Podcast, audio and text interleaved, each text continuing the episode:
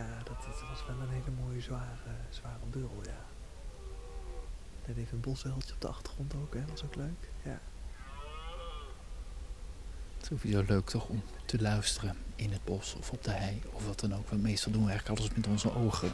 Behalve als je naar de radio luistert natuurlijk. Maar als je op dit moment hier bent en je neemt het allemaal zo rustig in je op. Dat is heerlijk toch?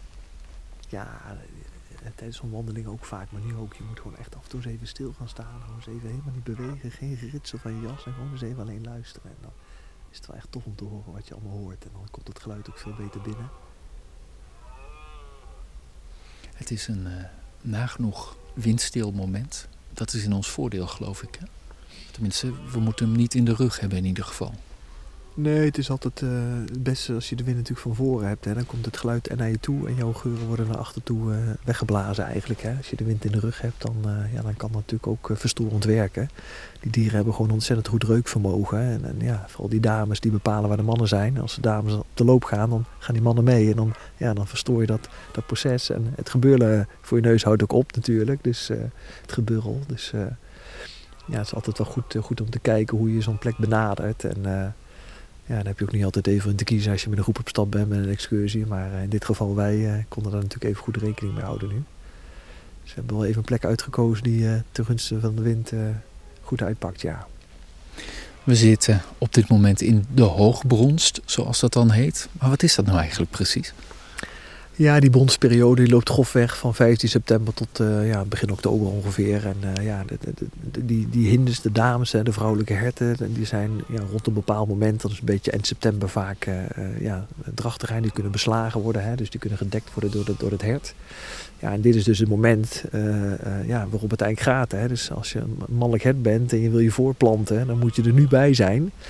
Um, en, en, ja, mocht dat niet lukken, dan, dan komt er vaak nog wel een volgend moment. Dat is vaak zo'n 18 dagen later. Maar ja, op het moment dat, die dames bevrucht kunnen worden, wil je gewoon op, het toneel staan. Wil je een rol van betekenis spelen. Dus ja, als hert moet je er nu gewoon zijn. En ja, het is ook heel mooi om te zien dat herten die aan de ene kant van de Veluwe gewoon de halve Veluwe overtrekken naar een bepaalde plek waar ze die brons meemaken. Um, ja, en worden daar grote afstanden bij afgelegd? Ja, er zijn voorbeelden van herten die, uh, hè, die heel herkenbaar waren in hun gewei. Die in de omgeving van Harskamp bijvoorbeeld uh, normaal in hun mannelijke roedel zitten eigenlijk. Hè. Die mannelijke herten zitten een groot deel van het jaar samen.